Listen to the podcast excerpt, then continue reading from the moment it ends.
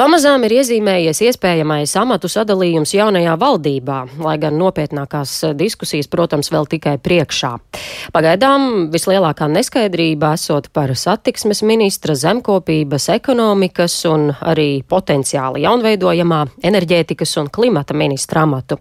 Izskanējis, ka par satiksmes jomu varētu būt atbildīgs apvienotais saraksts, un šīs partijas pārstāvji nav slēpuši, ka būtu liederīgi pārskatīt iepriekšējās valdības īstenotās veiktās reformas, tostarp arī nianses ostu reformā. Saima februārī pieņēma grozījumus likumā par ostām, kas nosaka Rīgas un Ventspils ostu pārvaldības modeļa maiņu, un, lai par to runātu, esam studijā aicinājuši vēl pašreizējo satiksmes ministru Tāli Linkaitu no konservatīvajiem. Labrīt! Labrīt! Vispirms, kā jūs vērtējat iespējamās jaunās valdības aprises un šo amatu sadalījumu?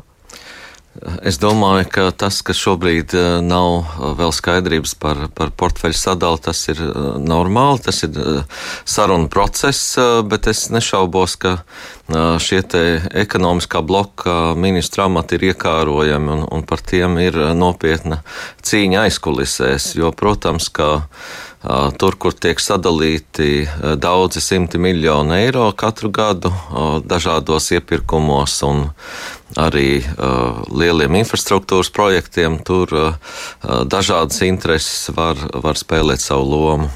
Mm, kādas tur intereses jūs saredzat, jo, nu, izskanējis, ka nākamais satiksmes ministrs jūsu pēctecis varētu būt no apvienotā saraksta?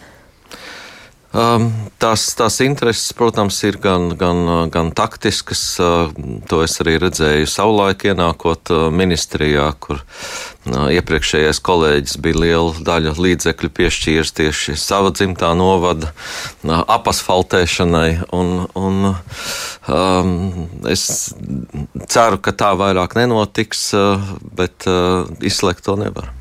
Mm. Bet, ja nu tiešām par eh, nākamo satiksmes ministru kļūs kāds no apvienotās saraksta, vai jūs nesaskatāt riskus satiksmes nozarē, jo, nu, nav noslēpums, kā Ludis Pīlēns savulaik bijis tautas partijā, un tur eh, arī ir šādas tādas personības saistītas. Eh, arī premjers Kariņš mums intervijā nesen teica, ka negribētu, lai politika sāk iet atpakaļ gaitā. Jā, nu šobrīd uh, es uh, paļaujos uz uh, jauno vienotību, ka tā kā pieredzējis uh, politisks spēks uh, tomēr spēs izsekot līdzi tam, ko dara koalīcijas partneri, kā, kā uzvedās un, un kādus lēmumus pieņem.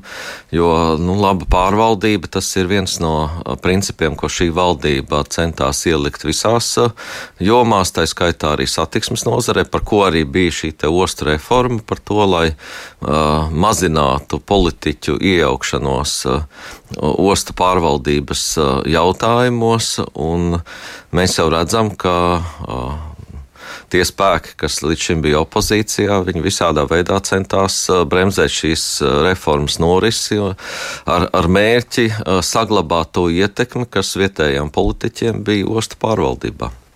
Par ko tur ir bažas, ka varētu varbūt pamainīt kādas nianses ostu reformā? Ko tur tieši, kas varētu būt tas, tie aspekti, kas, ko, par ko varētu sākt diskusijas atkal? Uh, šobrīd uh, jau pēc būtības uh, šī ostu reforma vēl nav notikusi. Kā jūs pareizi teicāt, ir pieņemti likuma grozījumi, ir izveidots likvidācijas komisijas ostu pārvaldēm, ir Rīgas pilsētā ir pieņemts lēmums par līdzdalību jaunajā kapitāla sabiedrībā, kas tiek veidota uz ostas pārvaldes bāzes, bet viss šis process jau vēl ir tādā, nu, sākuma stadijā.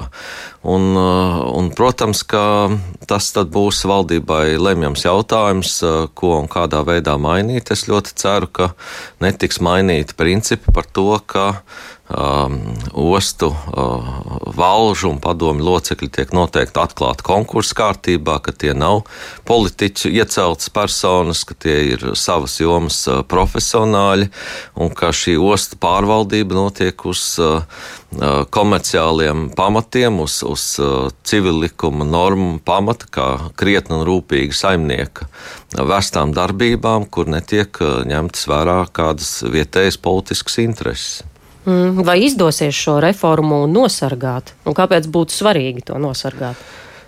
Protams, ka, ja mēs vēsturiski skatāmies, tad vairākas valdības, gan savulaik Enā Repšas valdība, gan, gan Valda Dombrovska valdība mēģināja šo reformu veikt un sastapās ar ļoti stingru pretdarbību. Uh, mums izdevās šīs valdības laikā to likuma pamatu ielikt, bet nav šaubu par to, ka, ka šīs ekonomiskās un saimnieciskās intereses jau nekur nav palikušas. Tā kā aicinu arī žurnālistus sekot līdzi tam, kā, kā jaunā valdība strādā šajā virzienā.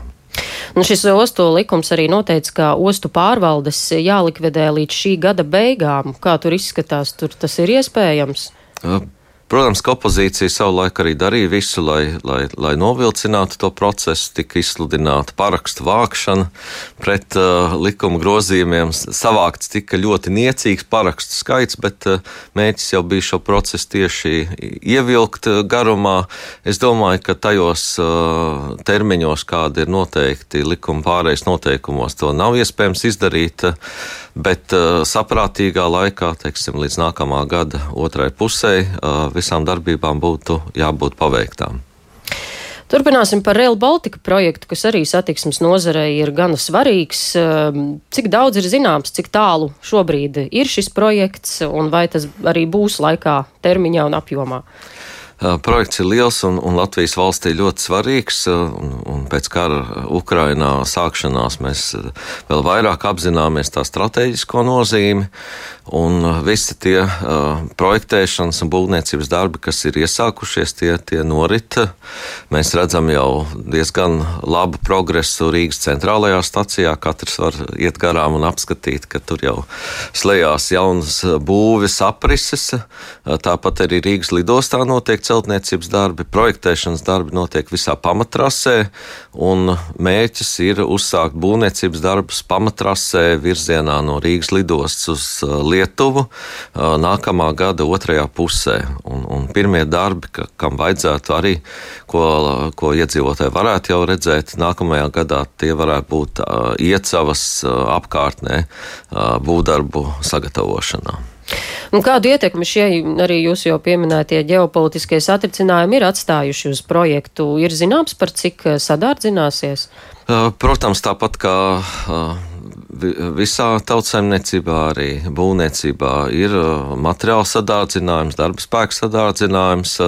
Pagaidām tas nav būtiski ietekmējis projekta virzību. Um, un arī es neparedzu, ka tas kaut kādā tuvākā nākotnē varētu iespaidot tieši pašu būvniecības uh, procesu, bet uh, kopumā, ja skatāmies, tad, protams, ka tie līdzekļi, kas savulaik ir iezīmēti Eiropas Savienības kopējā budžetā, tie nebūs pietiekami, lai pilnībā pabeigtu Rail Baltica trasi, un mēs jau skatāmies jau uz nākamo Eiropas Savienības finansēšanas periodu, lai, lai šo trasi pabeigtu. Pabeigs termiņā. Uh, tie termiņi jau visu laiku uh, šādiem lieliem projektiem bīdās uz priekšu. Es atceros, savulaik bija 25. gads, uh, tad 26. Šobrīd mēs runājam par to, ka vismaz tā, tā viena trases daļa, kas, kas iet Lietuvas virzienā, tai būtu jābūt pabeigtai 27. gadā. Man arī Lietuvas kolēģis apliecināja, ka arī no Lietuvas puses šī būvniecība tādā tempā notiks. Un noslēgumā vēl par jūsu paša tālākajām gaitām. Ko darīsiet tālāk? Jāsaka, ka Latvijas likumi nosaka diezgan stingrus ierobežojumus ministriem turpināt, turpināt darbu savā valstī. Līdz ar to uh, ir, ir paredzēts tāds atzīšanas periods, divu gadu periods, kurā faktiski daudz ko darīt nevar. Un, un es ceru, ka manas zināšanas līdz ar to noderēs uh, darbā citās valstīs. Mm. Kā jūs redzat konservatīvo tālāko nākotnī? Partija startēs nākamajās vēlēšanās, paliks politikā vai tomēr tur ir katrs aizies savu ceļu? Konservatīva partija nekur nav pazudusi. Mēs joprojām esam pārstāvēti gan Rīgas domē, gan daudzu pašvaldību domēs un arī vadībā, Gulbenē, Alūksnē, Carnikavā, Ķekavā, arī Ventspilī ir mūsu domē, deputāti opozīcijā. Tā kā mēs turpinām savu darbu, mums ir vairāk kā 1200 biedru, un, protams, tas, tas rezultāts ir partijai sāpīgs, bet es domāju, ka tas, kurš izjūt šādus satricinājumus, arī spējīgs piecelties un, un turpināt darbu.